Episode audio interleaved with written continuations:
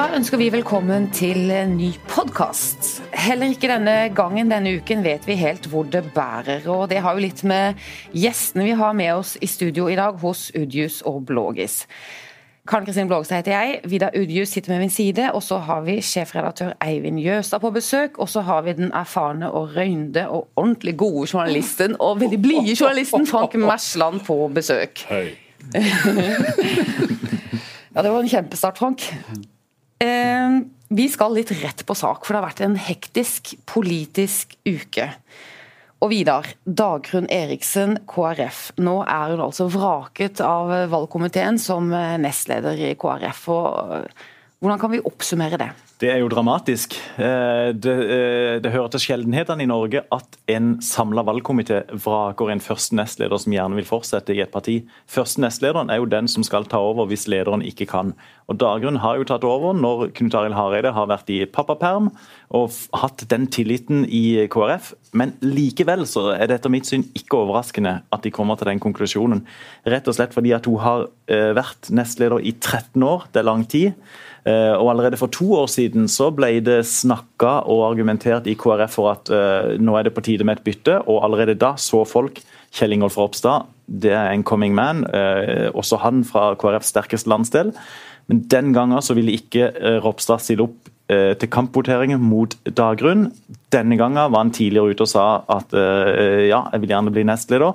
Og da valgte komiteen nokså kynisk framtida framfor det de oppfatter som fortida. Dagrun Eriksen har sagt på eh, NRK radio i dag, og i dag er det altså torsdag, at hun holder døra på gløtt for en omkamp med Ropstad. Altså at hun, hvis noen foreslår henne, vil vurdere å ta den kampen. Og Eivind Jøstad, eh, hva tenker du om det? Er det lurt å prøve å, å ta den kampen? Det er jo i hvert fall fair. Altså Hvis hun vil kjempe for sitt politiske liv, så er jo det lov. Så Eh, men det et, kan jo fort bli et dilemma for partiet. Eh, ja. Men når hun har vært nestleder i 13 år og aldri har tatt det siste kneppet opp som leder, betyr det, og nå vrakes som nestleder, betyr det at hun har gjort noe feil? Det som er fascinerende med Dagrun, synes jeg, er at hun har jo eh, en veldig ulik posisjon i Oslo nasjonalt og her lokalt. Hun har mista litt grepet om sitt hjemfylke og hjemby. Eh, og de lokale lagene her. Men samtidig så har hun en posisjon i Oslo. Og hvis du ser våre kolleger, politiske kommentatorer og pressekolleger og sånn i Oslo, de holder jo Dagrun mye høyere enn man kanskje gjør her. Syns hun er en flink debattant, skjønner ikke hvorfor hun ble vraka av lokalparti, lokalpartiet osv. Og, og det kan jo være mat for Dagrun òg, at hun får de tilbakemeldingene og mener at hun har en, en posisjon. da. Uh, ja. Jeg skjønner hun litt òg. Mm. Altså, eh, når du sier dette med døra på gløtt. Mener, hun, har, hun kom inn på Stortinget som 28-åring. Seks perioder, eller seks ganger valgt til nestleder i, i, i partiet. Hva, hva, gjør Dagrun nå, 45 år gammel, har vært i politikken siden hun har begynt å jobbe? Det er klart det er relativt dramatisk. Hva hadde du gjort for noe, Eivind, hvis du hadde blitt fra av valgkomiteen? I hvilket parti? Poenget er jo det, det tror jeg det, Først og fremst må du sørge for å ikke bli vraka av valgkomiteen. Så Der er det jo et eller annet som har skjedd som hun ikke har hatt helt kontroll på. Uh, hvis du ser kynisk politisk, så er det jo riktig av KrF å gjøre dette. Jeg mener de burde gjort det forrige gang òg. Hvorfor mener du det er riktig? Fordi at uh, Politikk er makt og posisjoner. Det er grunn til å tro, jeg mener det selv, at Kjell Ingolf Ropstad har en større framtid i det partiet enn Dagrun. Da må han inn i de posisjonene nå for å trene seg opp. Så det, Sånn kynisk sett så er det riktig av KrF. Og eh, Også på den kyniske linja så tror jeg Dagruns eh, største problem er at hun mangler, til tross for alle disse årene i sentrale posisjoner, så mangler hun en maktbase i partiet. Eh, hun har ikke lenger den på Sørlandet. Eh, og så er det jo riktig som Eivind sier, at i Oslo-miljøet så holdes hun høyt. Men i stor grad, tror jeg, i vår bransje og i, på en måte blant synsere kommentatorer. Men eh, de som mener å kunne noe om dette her, her i KrF, sier at f.eks. i KrFs kvinnebevegelse Nei, egentlig ikke det helt store. Eh, hun prøvde å bli nominert til Stortinget for Akershus KrF. Nå, gikk ikke. Så det er på en måte det, det, det, er noe med en basis en kanskje bør ha i et parti. Ja, det skjønner jeg, Men hva er det som har skjært seg da mellom henne og KrF-kvinnene? Nei, det, det, og, det, og, for det første, KrFs kvinner er jo ikke en Det er jo på en måte ikke det, nei, og, det, og det, er ikke som, det er ikke som kvinnebevegelsen i Arbeiderpartiet. man sier, wow, må høre på kvinnebevegelsen. De, har, de står mindre sterkt i KrF enn Aps kvinner gjør i Ap. Men, men, uansett, det er et sånn lite tegn på at hmm, hvor, hvor, er egentlig uh, maktbasen? Du, det, det, har jo vært eh, en sånn saying i det politiske Norge at kristensosialistene, det, den gjengen har liksom forsvunnet litt fra den norske offentlige politiske diskursen. Og, og hun har vel vært nærmere det kanskje enn andre markante KrF-politikere i det siste? Ja, iallfall blitt sett på som mer liberal og sånn. Jeg tror hun er på ingen måte noen sosialist men hun, Nei, hun er opptatt av opptatt av likhet og fordeling og sånne og ting. Og solidaritet og alle disse sakene. Nå gjør jo da KrF, sier mange, et knepp til høyre. Ja, for jeg tenker på, altså sånn, Der er jo navn som Valgerd i forkant her, og, mm. og, og, og, bistandsministeren som jeg ikke husker akkurat i farta nå. I uh, en KrF-bistandsminister? Ja. Eh, ja, du er inne på noe, Frank. Ja, men... er det hun mørke? Hun som har vært ute? Ja, nemlig. Som er generalsekretær nå i partiet. Ja. Men Frank, nå har du lært om å aldri kaste opp sånne titler. Jo, jo, jo, ikke navnet. Det er veldig flaut. Jeg, står for det, men det er klart at det er jo, og, og hun har jo vært veldig sentral i dette verdidokumentarbeidet, som òg mm. har vært utrolig turbulent. Så hun har jo stått i en posisjon med masse slitasje. Så jeg skjønner jo at det skjer. Men jeg tenker ofte, for det at det Dagrun er god på, hun er veldig god i debatter. Mm. Eh, og da, Når hun snakker, så tenker jeg ofte at hun snakker veldig bra til en del av kjernevelgerne til KrF. Og, og der er hun på mange, kanskje noe tydeligere profil og en, en større på en måte sånn uh, velgermagnet uh, enn Kjell Ingolf Ropstad, som kan framstå litt profil, uh, sånn polert og veldig, liksom flink. veldig flinkis. Mm. Så det er jo også partiet at ikke de klarer liksom å favne begge de profilene da, og bygge, bygge, de videre på begge to. Og Det er jo en del av det store problemet til KrF, for de klarer jo ikke å favne velgere heller. De blir sakte, men sikkert mindre og mindre og mindre. og mindre. Hvis du ser på prosentsatsen over valgoppslutninga til KrF ja, men Det var så vidt å se når du blir mindre og mindre i øynene. ja, men rett og slett fordi at ifra eh, etter at KrF-bølga eh, mm, eh, forsvant eh, rett over 2000-tallet, så er det en tidel og to de har gått ned hvert eneste valg, og nå er de på femtallet hadde vært katastrofe på 80- og 90-tallet hvis, hvis, folk snakker om femtallet for KrF. Der er de nå. Og de har prøvd seg fra forskjellige posisjoner. Er der, da. Er det ikke det? Har ikke Hareide hatt 5,1 i alle valg? Omtrent? Og de har det. Og så var de så enormt glade første del av valgnatta forrige gang, for da så det ut som de skulle gå fram. Ikke mye, men sånn symbolsk fram. Og så kom de store byene inn, og så så ble det ti del ned igjen. Så lekker det jo til veldig mange partier. Så Vårt Land hadde meningsmåling i dag, og mm. Senterpartiet som hadde tatt masse KrF-velgere. Mm. Og Senterpartiet spår vi jo alle kommer til å gjøre et uh, kjempestort og godt valg uh, til høsten. Men uh, Frank, nå har jo du tatt en pris inn i munnen din mens vi har sittet her. Jeg tenkte ikke vi skulle si det. Du har ikke spurt men... om du får lov til å snuse? Nei, kan vi ikke Men kan, du oppsummere, kan vi oppsummere da Dagrun Eriksen? Hva slags, altså når vi, når vi tenker at hennes politiske karriere kan kan være over, kanskje.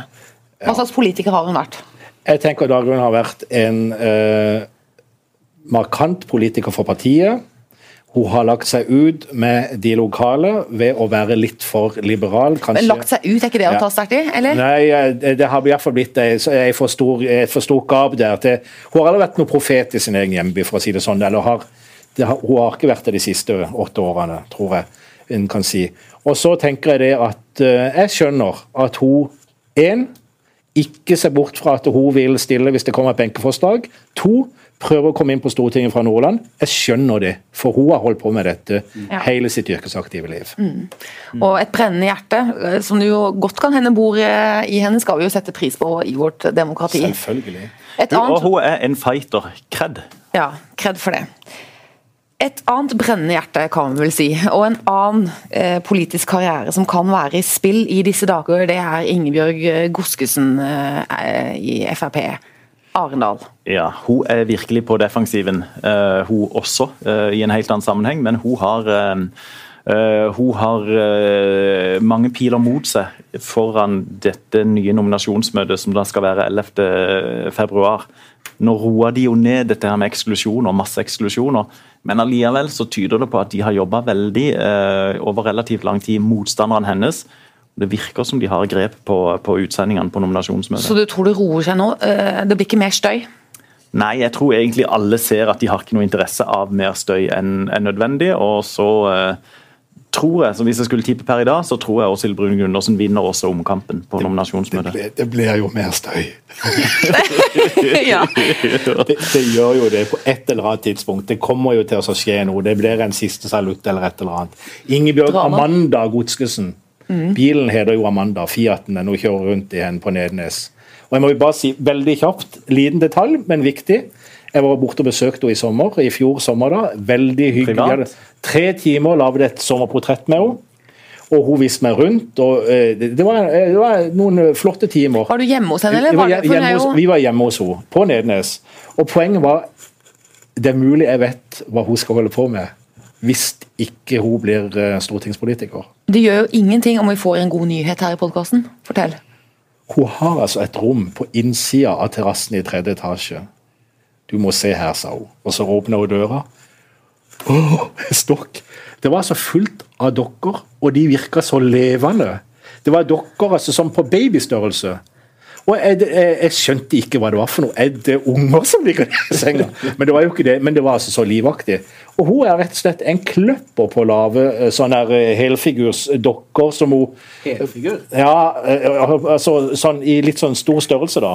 Med sant. livaktig ansikt og hår og Det er helt Ja, Forskjell på litt store dokker og helfigurer. Nei, nei ja, ikke, altså, hun lager ikke seksåringer som er en meter høy, men, nei. men det så ut som noe altså, det, det så det, veldig Men livaktig altså pyntegjenstander? Nips? Eller liksom Ja, helt livaktig. Jeg har aldri Ikke leketøy, eller? Nei, nei, Nei. ikke leketøy. Pynt. Og dette var hun så flink til. Og hun Å, ja. brukte så, altså, dette er det jeg holder på med, sa hun. Og det, eh, at hun hiver seg på det eh, når den politiske karrieren hennes en gang tar slutt, er jeg ikke i tvil om. Så da kan vi være rolige på det.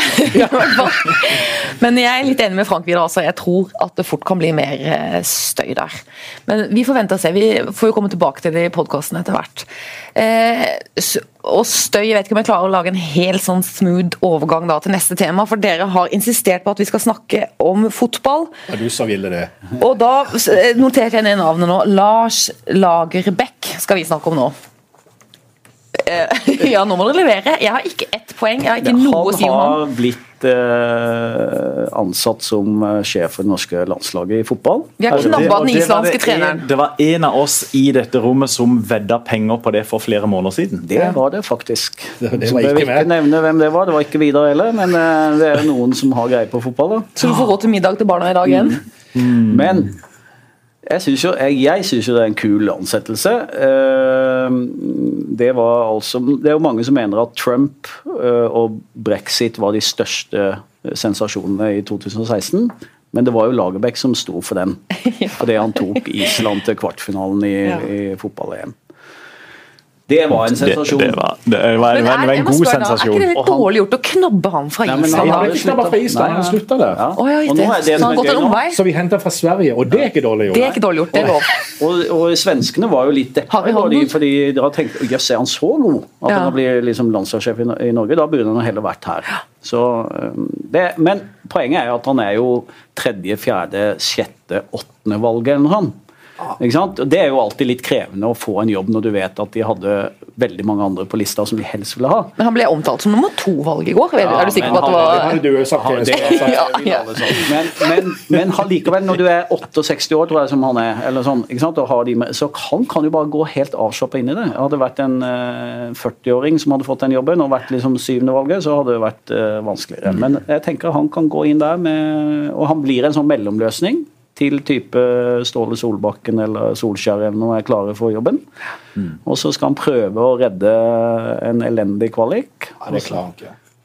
Nei, Hva slags fotball er det han Og representerer? det- Hva slags type fotball får han, nå? han er som meg. Tired of ads barging into your favorite news podcasts? Good news. Ad-free listening is available on Amazon Music for all the music plus top podcasts included with your Prime membership. Stay up to date on everything newsworthy by downloading the Amazon Music app for free or go to amazon.com slash news ad free. That's amazon.com slash news ad free to catch up on the latest episodes without the ads. veldig strengt defensivt orientert i sitt fotballspill. Nei, men det er sant. Han er det. Han er, han er, han er, han, jeg snakka med en som var på seminar med han i, i Göteborg i helga. Og, og, og, han var veldig tydelig på hva slags fotballfyr han er. Det, det handler om å organisere og spille. Han er pertentlig. Og, og, nesten sånn Du, du har blitt lei han på, på, fem minutter. 'Nei, Karen, du må ikke gjøre sånn, du må gjøre sånn.' 'Ja, men jeg prøver. Du må gjøre sånn.' 'Ja, men jeg forsøker å Ja, men du må gjøre sånn.' Det er liksom måten han er på. Han er pirker og pirker og pirker, og øh, vil du ikke, så skal du. Det, det, nei, ja, alle, han vet hvordan fotballen skal spilles. Så er det sånn systematiker, matematiker, fotballspilling? han er statsviter, da, så det er jo litt spennende bakgrunn han har når han øh, går inn i en rolle sammen med mm. Men, men han, er, han, vet hvordan han vil ha det. og han, her det, han, selv om Norge ikke har de største fotballnavnene, så nytter det ikke å komme med navnet sitt her. altså. Alle skal gjøre en jobb. Du, jeg har faktisk, Når Frank snakker om å være strengt defensiv og omtaler seg selv som det, jeg har spilt fotball sammen med Frank. Junior Don. Frank var absolutt ikke strengt defensivt. Han tok ballen Frank Mersland, Frank Mersland tok ballen eh, på midtbanen og dribla og dribla og dribla. og dribla, dribla ofte mange, men eh, ikke så sjelden så mista han nok ballen eh, mens han nok burde sendt den. Du, men, men du, kan, kan, jeg kaste litt sånn malurt i det, det ikke du Frank var kjempegod. Mye bedre enn meg. Så aggressiv og god? Ja, Nei, ikke aggressiv, men god. Nei, Han var ikke aggressiv, men han var god. Han var bedre enn deg, Vidar? Mye bedre enn meg. Eh, min trøst er at Lars Lagerbäck også han var også en sånn eh, middelmådig fotballspiller, og han har jo drevet langt allikevel. Fra sidelinja? Ja. Men du, litt sånn malurt i begeret. Jeg syns jo Lagerbäck er, um, var den beste kandidaten som sånn sett sto igjen. Men alliavel altså, hadde kanskje norsk fotball trengt en eller annen karismatisk uh, type som sto for en litt offensiv eh, spillestil. Jeg får litt sånn, Når dere snakker nå, så tenker jeg litt sånn Å, har vi hatt dette før? Ja, Tord Grip. Du savner litt, du savner litt sånn Høgmo-type, du. En som kan snakke litt med store ord og, og som sitter litt offensiv i huet. Det, det tenker du, Vidar. Nei, men jeg syns eh, f.eks. Tom Nordli hadde vært kjempegøy. Og kanskje han er en trener som du, han, han, han, har et visst slitasjeelement på lag som han er sammen med over lang tid, men et landslag som en har, som en har Hvor ofte har du de samla når du er landslagstrener? Jeg vet ikke, sånn tre-fire dager annenhver måned. Ah, setter jo enorme krav til landslagstreneren, og de kommer fra forskjellige spillesystemer. Hvis du da hadde hatt en kar som Tom Nordli som hadde sagt sånn OK, men nå er det dette som gjelder, og som hadde skapt oppmerksomhet. Men Eivind, nå syns jeg du må forsvare ja, Lagerbäck her, for at du har jo vunnet mye penger på han nå. Nei, dette handler jo mer om uh, Vidar har bodd for lenge i Kristiansand, ikke sant? Og er helt sultefòra på fotballmeritter. Så det man klamrer seg til i denne byen, er et sølv for elleve år siden, som Tom Nordli sto for. Og da er, ikke sant? Det er det, Derfor er han fortsatt den frelseren som skal frelse alt. Mm. Tom er jo nå blant de strengeste kritikerne av Lagerbäck på pressekonferansen i går. Han står jo der som intervjuer for NRK og stiller de spørsmålene. Men er det ikke sånn at det, det Men det er jo veldig, Jeg syns det er sjarmerende av dere at dere tar det så på alvor. da, At dere øser helt opp og er så engasjert. For at, og Vida snakket jo så hardt om uh, ski sporten i forrige podkast, og fotball er det som betyr noe. Men her i Norge er jo fotballidretten en liten fjert. Hvis man løfter blikket litt. Ja, bare se på antall medlemmer i, i, i Norges ja, Fotballforbund. De har jo aldri vært gode. De der 400 000 de har aldri hevdet seg. Nei, vi hører det. Mm. Ja. De, ja, fortell meg, Nå hevdet et norsk lag seg sist internasjonalt. Det er noen år siden. Bronselaget 36. du, har, du, du, kan komme Det tenker jeg at uh, sist sommers uh, fotball-EM var et bevis på. At med ikke all verdens kvalitet, men, uh, men, med ty, nei, men, nei, men med en tydelig filosofi så kan du faktisk komme ganske langt. Også fordi at det er så enormt mange andre dårlige lag nå. Og når hver lille nyoppretta stat i Europa har sitt eget lag, så er du plutselig i middelsjiktet. Men altså det fascinerende med Island, da, som han tok til kvartfinalen, det bor omtrent akkurat like mange folk på Island som det bor ja. i Agder-fylkene til sammen. Ja. Det, ja. det, er sant. Ett Agder, ett Island. Ja, Og ett lag. Men det der heiahopet til Island, det syns jeg var det kuleste. Du, og i høstferien så var vi på eh, ferie i Island. Eh, som De vil gjerne si i Island, ikke på Island, fordi eh, siden vi er et land, så er vi i. Men nok om det. Da var vi rett og slett på eh, landskamp, og det viste seg plutselig å være landskamp. Island-Finland, VM-kvalik. Oh, og kjempestemning på den stadionet. Hadde de det kampropet? Da hadde de det kampropet mesterskapet, så etter Det var jo dramatisk, jeg skal ikke bruke lang tid, men det var jo dramatisk, for Finland leda jo 1-0 og 2-1 til det var gått 90 minutter, og så i seks overtidsminutter så snur Island kampen og vinner 3-2. Fantastisk. Da kom hele laget hen til, til hovedtribunen etterpå, og så hadde du der sånn oh. Ho, ho. Ah, det var kjempe! Fantastisk gøy. Ja, Kult. Vi må adoptere det nå. når han ja, jeg merker meg at Det er bedre når 10 000 gjør det sammen, enn når én politisk Jeg syns det var mektig når Vidar gjorde det nå. Så han hentet lydene langt ja, ja, fra nederst i magen. Du gjorde det, du skal ha det. Det var urmann Vidar som kom fram her. Jeg tror vi skal gå videre. Trump. Ja! Enda en uke. Enda en uke med Trump. Ja. Vi, ja, verden henger jo sammen, da, så vidt. Enda en time, kan vi nesten si. Enda en time. Enda en telefonsamtale! Ja, ja. Men altså, nå er det jo sånn, vi våkner hver morgen, og det har skjedd noe helt uh, vilt med Trump og i USA og sånn. Men er vi liksom, eh, ser vi veldig etter? Overdriver vi? Er vi hysteriske her i Europa og i resten av Vesten og resten av verden? verden? Nei, du, eh, du setter gjerne med Takk. Eh, nei, jeg mener ikke vi er hysteriske.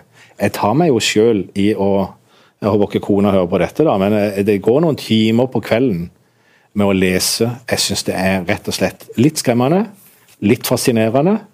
Eh, og, og, og, og det, eh, det, som skjer der borte de første nå er det tolv dagene etter han ble innsatt. I, senest i dag kan en jo lese om disse samtalene han hadde i går med diverse statsledere. Mm -hmm. ifølge, ja, ifølge Washington Post så ble det en time lang samtale avbrutt ganske prompt etter 25 minutter. Ja. Den verste samtalen jeg har hatt. Han hadde sagt det til han. Jeg har hatt samtaler med fire andre statsledere. Dette er den absolutt verste. Dunk. Ja. Eh, ifølge Washington Post, da. Eh, jeg mener, eh, Men det er klart det at det er jo ganske aparte. Men vi ser jo også at det mobiliseres veldig mot ham. I forbindelse med denne visumnekten så reiser jo den ene guvernøren etter advokaten etter demokrat, altså, seg opp og, og, protesterer og hegner om det de mener er de amerikanske verdiene. Ja, men det er men too little too late. Det eneste som jeg tenker er helt sikkert, er at vi lever nå midt i historien, da, for å bruke en klisjé. Men mm. altså at det vi, det, det vi opplever nå, er verdenshistorie. Og det er ikke godt å si hvor, eh, hvor dette bærer en. Men uh, men blir du mer pessimistisk for hver dag du våkner opp til siste Trump-nytt? Nei, Nå er det jo ikke noe hemmelighet at jeg har vært nokså pessimistisk Nei. med tanke på dette. Så om jeg blir mer, eller om det er på en måte en bekreftelse av bange anelser, jeg tror det er mer det siste. Mm. mm. Men jeg er jo enig med Frank at det er fascinerende òg. Det er utrolig fascinerende å se dette spille seg ut. Mm. Veldig fascinerende å se hvordan verdens diplomati og politikken reagerer på det. Ja, og endrer seg egentlig fra dag til dag. og det er klart det at det er jo kommet opp noen navn i kjølvannet av innsettelsen her, bl.a. han Steve Bannon, som er hans nærmeste mm. rådgiver. med i mm Fort, han var jo demokrat, vokste opp i en demokratisk familie når han vokste opp som liten. Mm. Gikk inn i, for, i marine eller noe, og fikk da en helt klar formening med at eh, Jimmy Carter hadde kjørt landet på dunken, for å si det mm. sånn. Endra kurs og har de siste årene vært en, eh, eh, en pådriver for alternativ høyreside. Vært eier vel av Breitbart, dette medieorganet som ligger langt ute, som har sammenkoblinger til Ku Klux Klan. og det er klart når hvis det er sånn at en mann som han har en veldig sterk uh, finger inn i selve purra, så er det jo ikke det er ikke veldig stabilt. Antiabort, homofob ja, eh, Det er jo navn som har eh, Så jeg ble jo, som født i 65 og har vært redd for atomkrig når jeg vokste opp. Mm. Det er klart, jeg, jeg får litt sånne Jeg, jeg, jeg, jeg får dårlige vibber, rett og slett. Hva tenker du da, Vidar? Du... Nei, Jeg er mye mer skremt enn fascinert. Ja. Jeg syns det er nifst. Ja, rett og slett. Hva, hva, er, du, hva er, ditt verste scenario? litt kort? Nei, det, det, tror jeg er vanskelig å si. Men, men uh, men det vi ser nå de første ukene, det er jo han som spiller seg ut i, eh, i fri dressur uten på en måte noen sånn checks and balances, fordi at systemet har ikke kommet i gang ordentlig ennå i USA de andre, så han bare skriver under og skriver under. og skriver under. Vil jo komme litt på etter hvert, så vil bremsene komme etter hvert. Eh, men om det vil føre til at han modereres, eller om han da vil bare spinne videre ut av kontroll, det, det er jo ikke lett å, å si. Jeg må bare si Det er veldig rart, altså, for det, noe av det jeg leser kanskje flittigst, det er jo kommentarfeltene under disse sakene som blir skrevet. og som jeg var i, i, i, New York en måneds tid før valget og, og, og to tempen så å si liksom på hvordan det var. Det var, jo, det var jo utenkelig at han skulle bli president på den tida. Mm. Så ble han det en, en måned senere. Mm. Og så, så, hadde en kanskje trodd at jo, jo mer eh, outrerte utspillene blir, så vil kanskje noen snu på det, men det er like knallhardt i kommentarfeltene. altså Det er liberale som, som, som uh, sier dette her er heit, dette, dette går ikke, nå ser dere hva dere har stelt i stand. Og så er det, det, det Trump-tilhengere som sier uh, uh, kom over det. Fake news, sier de bare. Altså, det, er, det, er så, det er så polarisert.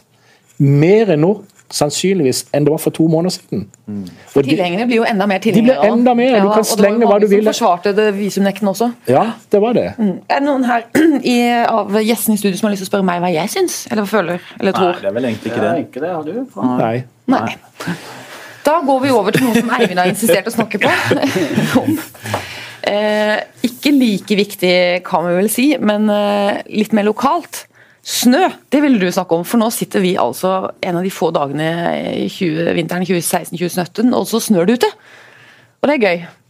Jeg lurer på om det har slutta akkurat nå, men uh, det er jo på tide at det kommer litt snø. Ja, Men det skal vel litt til før det ligger snø rundt hytta di, Eivind? Mm. Nei, jeg håper det gjør det. Jeg, I motsetning til sånn uh, jålehytte på Hovden som du har, så har jeg mer liksom folkelig plassert hytte på Evje ja. på Ski-Eldorado Høgås. og Der er det nå, har det ikke vært snø, og det er jo skandaløst, men nå ser værmeldinga bedre ut. Men du, du folkehytte og folkehytte. Du eh, kjører jo opp der i en helt ny og fantastisk fin bil. Det er vel halve hytta til verdien din. Og så, Du har jo ikke sånn utedo og primus og sånn, det er ordentlig. Men uh, vil, vil, du inn her, Kari? Det Nei, jeg ikke det. For jeg har vært på den hytta di på Ovnen, så det, jeg tror ikke vi skal gå der. Da klagde du på at det var kaldt. Rolig, men det, snø er viktig. ja. det, snø er viktig å holde vekke. Men du er ikke noe sånn som er, er, er, du gal? Du, er ikke noen milsluker på ski, du, Frank? Jeg tar ikke den. Nei, jeg er ikke det. Eh, og jeg er ikke noe så veldig glad i snø heller. Jeg, det kan være trivelig å gå en tur på langrennsski i ny og ne. Men eh, jeg har 30 meter med oppkjørsel. Et gammelt hus med en lang oppkjørsel. Eh, og jeg har ingen snøfreser. og eh, Snø for meg det, det, Nei, snø for, tung snø i februar og mars. Det var et år det, det snødde i en måned. Jeg var altså så lei. Så jeg tenker for hver dag som går, det er meg, da. For hver dag som går uten snø, fabelaktig. Ja, poenget er at jeg tror de fleste er der, Franke. Ja, jeg er også de fleste der, elsker ja. at det er bart eh, på vinteren, og så er det vi som uh, syns snø er gøy og, og, og, fint. liker å gå på ski og sånn. Ja. Tar mye plass i det. da. Går rundt og klager hele vinteren for det er ikke det er snø og sånn. Men hvis det er snø på det... Heia, liksom, i Vennesla, Sandrip Men det er jo, det er jo så fint, det er jo så vakkert med snø. ikke sant? Korte dager, så kommer mørket og så er det snø. Det lyser jo opp. Kan du tenke noe finere enn snø som ligger i trærne? Ja, det er veldig fint med sånn der tung snø som du skal gå så brekker Sørlands skuffa etter tre skyv. Det er fint, det. altså, skuffe, det er så lystbetont. Ja, der, der, står jeg nesten og synger når jeg skuffer. Står du ute i oppkjørselen og synger og skuffer? Ja, det er, det er rett før, iallfall. Ja, jeg kommer på besøk. Det er jo synd for de som har lagt opp til at det skal være snø. Tenker på Det er jo næringsdrivende som har lagt opp til det. Dere butikker som selger utstyr som blir stående i hyllene fordi at snøen er fraværende. Det er klart det, jeg, jeg, jeg skal ikke være der, men for personlig egen vinning, så er, så er det en glede verden. Men du er den eneste som er virkelig depressiv og deprimert og ser dette her i sammenheng med klimaendringene? Og ser liksom begynnelsen på slutten på sørlandsvinteren? Er ikke dere der? Nei, det er skummelt. Jeg syns det. det er, hvis er det skummelt, selvfølgelig er det det. Vi mister jo vinter i begge ender, og til slutt så er den jo vekk, i alle fall langs kysten. Det er jo helt dramatisk, er det ikke? Jo. Um... Frank? Jeg skal jo si jo til dette.